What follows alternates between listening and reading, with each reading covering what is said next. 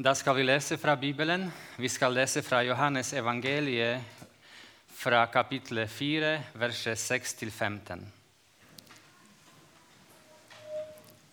Jesus var sliten etter vandringen, og han satte seg ned ved kilden. Det var omkring den sjette time.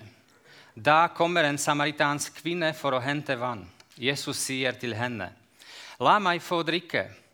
Disiplene hans var nå gått inn i byen for å kjøpe mat. Hun sier, 'Hvordan kan du, som er jøde, ba meg, en samaritansk kvinne, om å få drikke?' For jødene omgås ikke samaritanene.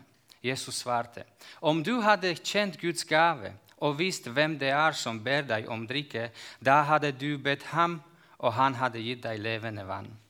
Herre, sa kvinnen, du har ikke noe å dra opp vann med, og brønnen er dyp. Hvor får du da det levende vannet fra? Du er vel ikke større enn vår stamfar Jakob. Han ga oss brønnen, og både han selv, sønnene hans og borskapen drakk av den. Jesus svarte, Den som drikker av dette vannet, blir tørstig igjen. Men den som drikker av det vannet jeg vil gi, skal aldri mer tørste. For det vannet jeg vil gi, blir i ham en kilde med vann som veller fram og gir evig liv. Kvinnen sier til ham, Herre, gi meg dette vannet, så jeg ikke blir tørst igjen og slipper å gå hit og hente opp vann. Amen. Det er midt på dagen. Det er varmt, veldig varmt. Folk sitter hjemme, et sted i husene, i skyggen. Ingen kommer ut. Men da en kvinne bestemmer seg å gå til brønnen og hente vann, et sted ved landsbyen Og I den varmen det er ganske krevende. Men hun går nå fordi hun vil ikke treffe noen. Hun unngår mennesker. Og hun kommer til brønnen, men allikevel, det er noen der. Men uh, det er noen som ikke kjenner henne. Det er til og med jøde. Det er til og med en som er litt på en annen nivå enn henne. Så da kanskje hun tenker inne i seg ah ja, han vet ingenting om meg. Jeg skal hente vann, og så skal jeg vekk. Men han begynner å snakke med henne, og han sier til henne, 'Gi meg drikke.' Og hun er overrasket. Du, en jøde, du fra en annen nasjon, våre nasjoner går ikke godt sammen. Du, mann fra en kvinne, du vil ha vann fra meg? Og han svarer til dette, om du visste hvem jeg var, da ville du spurt meg om å gi deg drikke. Og så kvinnen ser på ham og tenker, du, men du har ingenting til å hente vann med. Hva snakker du om? Hun ikke forstår. Hun ser det verdslige og vanlige løsningen på problemet. Men Jesus han snakker om noe mer. Og Noe lignende har allerede skjedd. og Det er i det tredje kapitlet i Johannes evangeliet. Det var en samtale med Jesus og Nikodemus. Om natta kommer Nikodemus til Jesus, for Nikodemus er veldig nysgjerrig. Og Så samtaler de sammen. Og så Jesus sier til Nikodemus du må bli født på nytt for å se Guds rike. Og Nikodemus tenker på det, og så tenker han og spør han Jesus men hvordan kan man bli født på nytt. Kan man komme igjen til livet til sin mor og bli født for andre gangen? Så han forstår ikke av det, noe av det som Jesus sier, men han ser med de vanlige øynene. Han ser bare den verdslige, vanlige løsning på problemet. Men Jesus han snakker om noe mer. Tenk at det kommer en forkynner hit og så står her på talerstolen og så sier jeg, 'Jeg kom hit fordi jeg har en løsning på deres problemer.' På deres vanskeligheter, på deres lidelse. Og så du skal si, 'Hva snakker du om? Hva sier du? Nå må du gi deg.' 'Har du bedre medisin enn jeg har?' Forstår du hva jeg går igjennom? Kan du gi meg tilbake fortid? Men jeg tror hver forkynner som står foran folk, må ha det, må ha mer. Vi har et ord om Han som kan stilne all vår tørst. Som har svar til alle våre spørsmål og lidelse i livet. Og tenk hvorfor en forkynner skal stå foran folket hvis han ikke har mer enn det vi ser. Hvis vi ikke skal ha et ord om ham som bringer oss det levende vannet.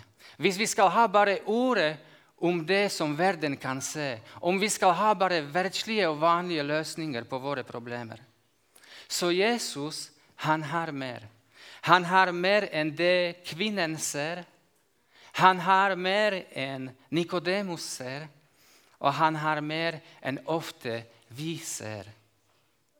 Og så De samtaler videre.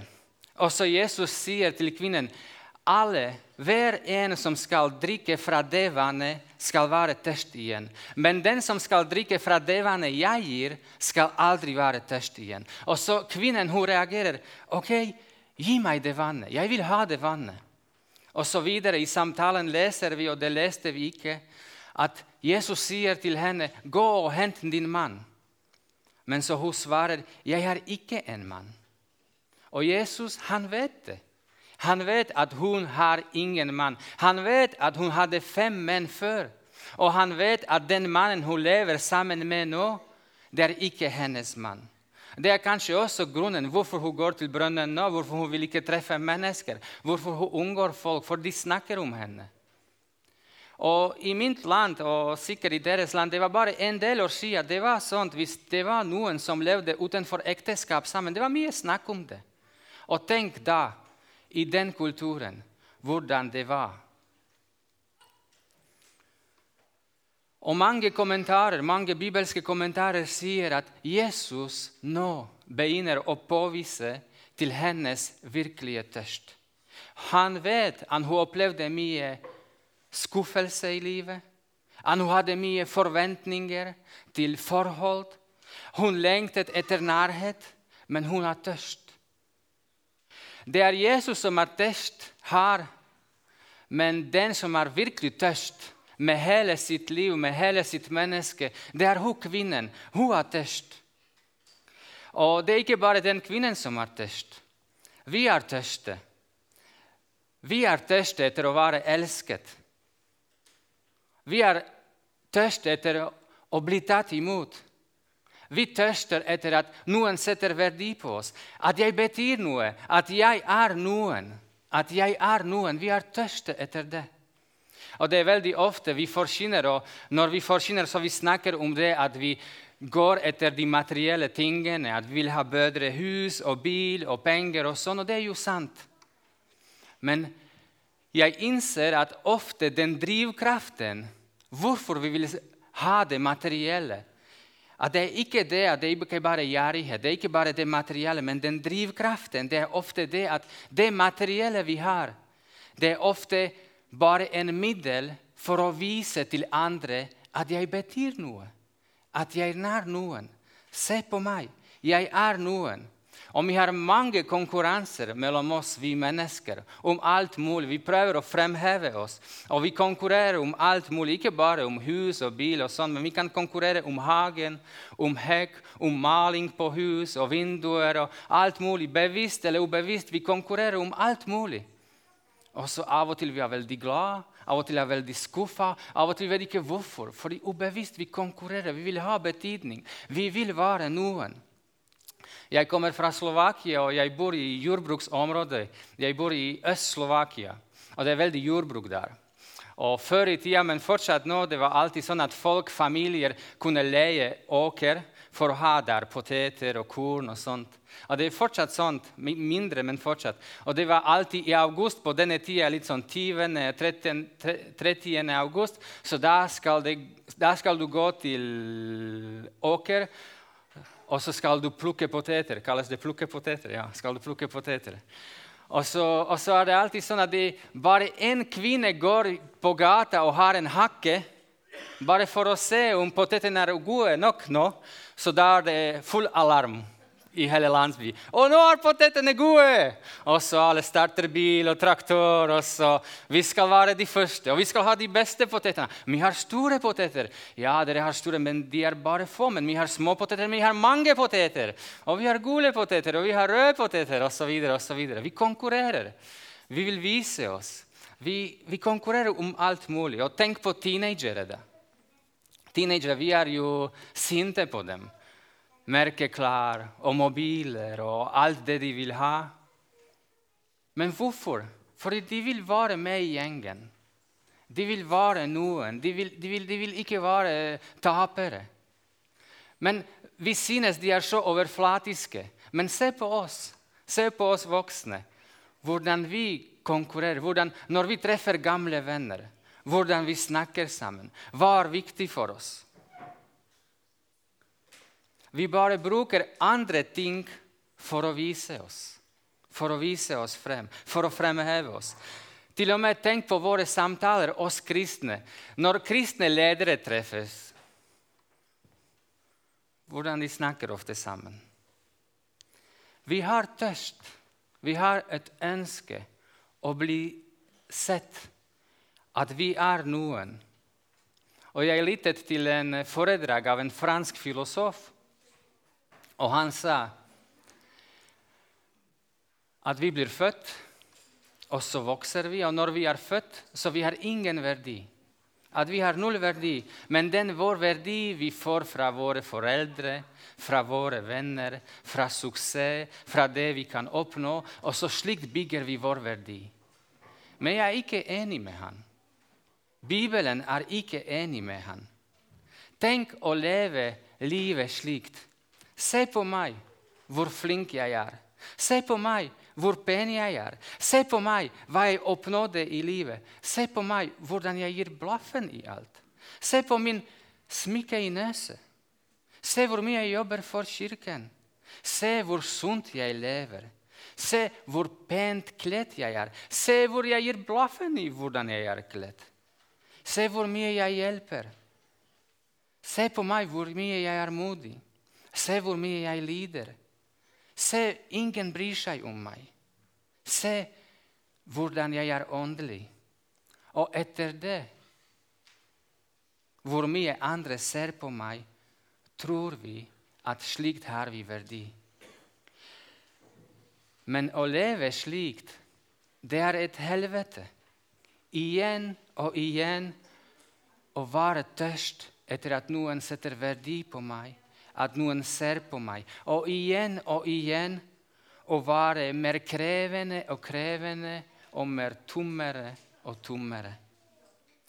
Vi forbilder oss helvete som noe der da. Men det er et helvete å leve en slik liv. Det er masse depresjon og frustrasjon pga. det. Og slikt lever livet de som ikke kjenner Gud. Slik Dessverre må leve livet de som ikke kjenner Gud. Men slikt skal ikke leve livet oss som er kristne. Og Jesus han sa til kvinnen, 'Den som skal drikke fra dette vannet, skal bli tørst igjen.' 'Men den som skal drikke fra vannet jeg gir, skal aldri være tørst igjen.' Som om han sa med de ordene, 'Hvis du setter din håp, din verdighet, i dine venner, barn, eiendom, suksess Hva som helst fra denne verden, denne verden kan ta det fra deg. Men hvis du skal sette din håp, din verdi, utenfor denne verden Denne verden kan aldri ta det fra deg. Jesus snakker om det at det finnes en glede og en hvile som er ikke avhengige av det som skjer i livet. Av det hva andre sier om oss, hva andre ser på oss, om andre liker oss. Jesus sier at det finnes en dyp hvile og glede som kan ikke tas bort pga. dårlig medisin eller lidelser eller vanskeligheter i livet. Bibelen sier at vi er noen. Vi er noen fordi Gud skapte oss, og Jesus frelste oss. Vi er noen. Og bare da, når vi vet det, når vi innser det, når vi tar imot det, bare da kan vi virkelig tjene andre. Bare da kan vi tjene andre. Paulus sier, 'Var det fremdeles mennesker jeg ville være til laks, da var jeg ikke Kristi tjener.' Når hun kvinnen gikk til brønnen, Hun tenkte at han vet ingenting om henne, den mannen der. Men han visste alt. Og han vet alt også om oss. Han ser våre liv, og han ser og han ser og han vet når vi gjør 'se på meg', 'se på meg'. Og når jeg leste det, disse versene mange ganger før, jeg alltid tenkte det er litt arrogant av deg, Jesus. Kvinnen kommer, og så sier han 'gi meg vannet'. Og så hun sier ja, du jøde bør, vil ha vannet fra meg. Og så han sier til henne hvis du visste hvem jeg var. Og så jeg tenkte Jesus, det er litt sånn Men jo mer og mer jeg leste det, så jeg bare innså og innså mer og mer at han hadde så medlidenhet med henne. Han, han bare ville vise seg hvem han er. Fordi han så den tørsten hun hadde. Og han bare ville vise jeg er frelseren, jeg er livet, jeg vil hjelpe deg. Han så hennes tørst, og han ser vår tørst. Og han snakket med Nikodemos, og han snakket med kvinnen. Og der ser vi at han er her for alle. For de religiøse og godt utdannede, og for de som er ikke-religiøse og ikke-utdannede. Han er for oss alle. Og jeg tenker, når, når, han visste hvem kvinnen var når hun kom til brønnen Tenk hvis det var oss. At vi satt der som Jesus, og vi visste hva slags kvinne kommer. Ville vi snakket med henne? Ville vi snakket med henne?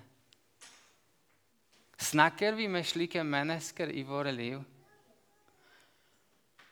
Men det gjorde fariseerne. De snakket ikke med slike mennesker. De tok avstand. Men Jesus han aldri tok avstand. Jesus han var radikalt sammen med syndere, og han var radikalt annerledes radikalt sammen med dem. Han spiste med dem, han samtalte med dem, men han var radikalt annerledes. Og hvordan er vi? Vi likner veldig mye på dem, men vi tar veldig radikal avstand. Veldig ofte. Så vi skal tenke hva er hellighet? Hva er virkelig hellighet? Hva betyr det å være hellig, egentlig? Og når hun gikk til den brønnen, hun forventa ingenting. Hun tenkte jeg går til brønnen, henter vannet og går hjem igjen, og så der dagen over. Og så kanskje vi slikt forbilder oss kristendommen. Det er kjedelig. Vi lever, vi kommer til gudstjeneste, vi skal til bønnegruppa. Hva forventer vi? Hva forventer dere i dag? Hva forventer vi i morgen? Hva forventer vi neste søndag? Hva forventer vi? Kristendommen er ikke noe kjedelig. Vi skal gå i forventning. Vi skal riste vår verden, våre forventninger. Vi som er unge, vi skal riste vår verden. Vi som har familier, det er ikke bare å oppdra barn, det er noe mer. Det handler om Guds rike. Og vi som er pensjonerte, det er ikke bare å ha det gøy og ha det bra i livet. Vi skal vise veien for de som er yngre. Vi skal være gode forbilder. Det er ofte Når jeg reiser i Slovakia og jeg taler og forkynner et sted, så det er ofte jeg ber slik Herre, beskytt meg på veien, og jeg vil komme trygt tilbake hjem til min familie. Og så Hele bønnen dreier seg om det. Og så tenker jeg slik skal vi be. Er det det?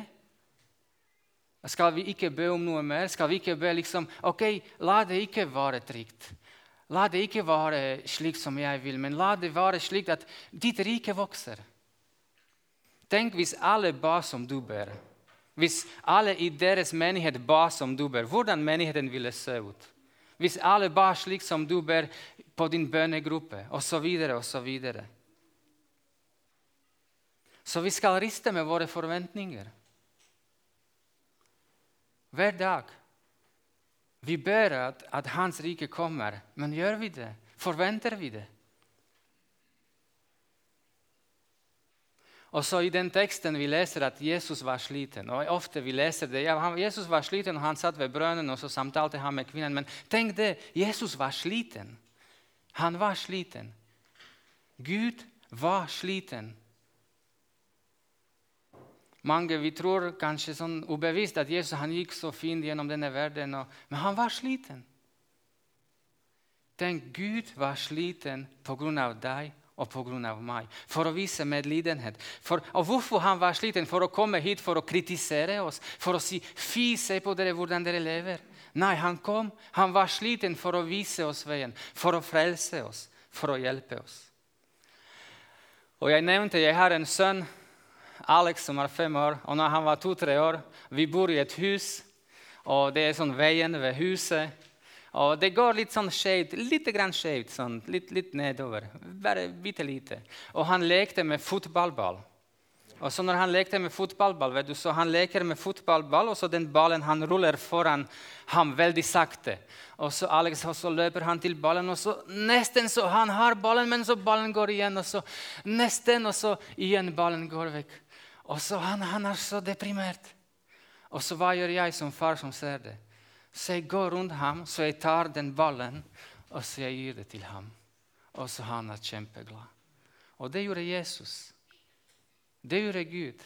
Han ser på oss. Han ser hvordan vi lever våre liv. Vi, vi tror 'nå har jeg livet', nå, nå. men så går det videre. Og nå er det bra i livet. Nå går det bra, men så går det ikke. Og så Jesus kom for å ta det livet og gi oss livet. Og det evangelium det sier han kom for å gi oss livet. Det er det Jesus gjorde. Og det er livet som ingen tar fra oss. Det gjorde Jesus ved den kvinnen, og det er Jesus med oss hver dag. Oppsummering. Vi behøver ikke lenger å leve 'se på meg', 'se på meg'. Det er et helvete. Vi er noen. Vi er Guds barn. Vi har stor verdi. Ingenting kan tas fra den verdien. Og du kan ikke gjøre noe mer med den verdien heller. Ingen din suksess. Ingenting. Ingen skuffelse. Vi har verdi. Og hvis du setter din håp, din glede, i noe fra denne verden, denne verden sikkert skal ta det fra deg. Men hvis du skal sette din håp i noe som er ikke fra denne verden, i Jesus Denne verden kan aldri ta det fra deg. Og Jesus han snakket med Nikodemus, han snakket med kvinnen. Og tenk på oss. Hvem snakker vi med? Hva er folk vi liker å være sammen med? Og rist ved deres forventninger. Rist ved deres bønn. Rist ved deres engasjement for Guds rike. Rist ved deres visjon for menighet i byen. Og forvent mer, fordi Jesus han har mer enn vi ser.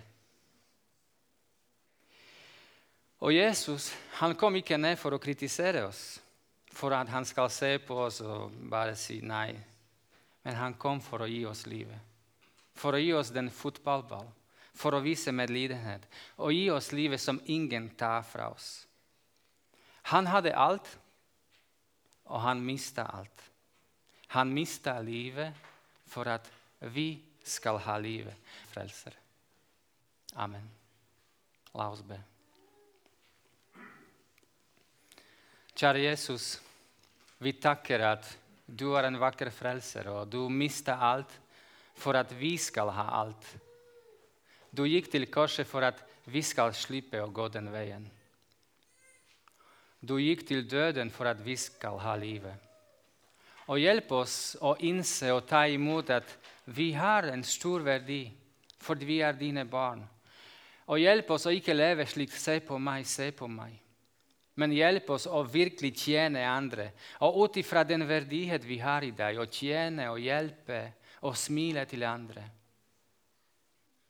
Og vi ber for at vi skal ha større forventninger i våre liv. At vi skal ha forventninger om ditt rike. Ikke bare om våre familier, om vår trygghet, men også at det skjer noe. Noe som er til velsignelse for andre. Og vi takker for at du kom ikke for å kritisere oss men for å hjelpe oss og for å gi oss livet. Amen.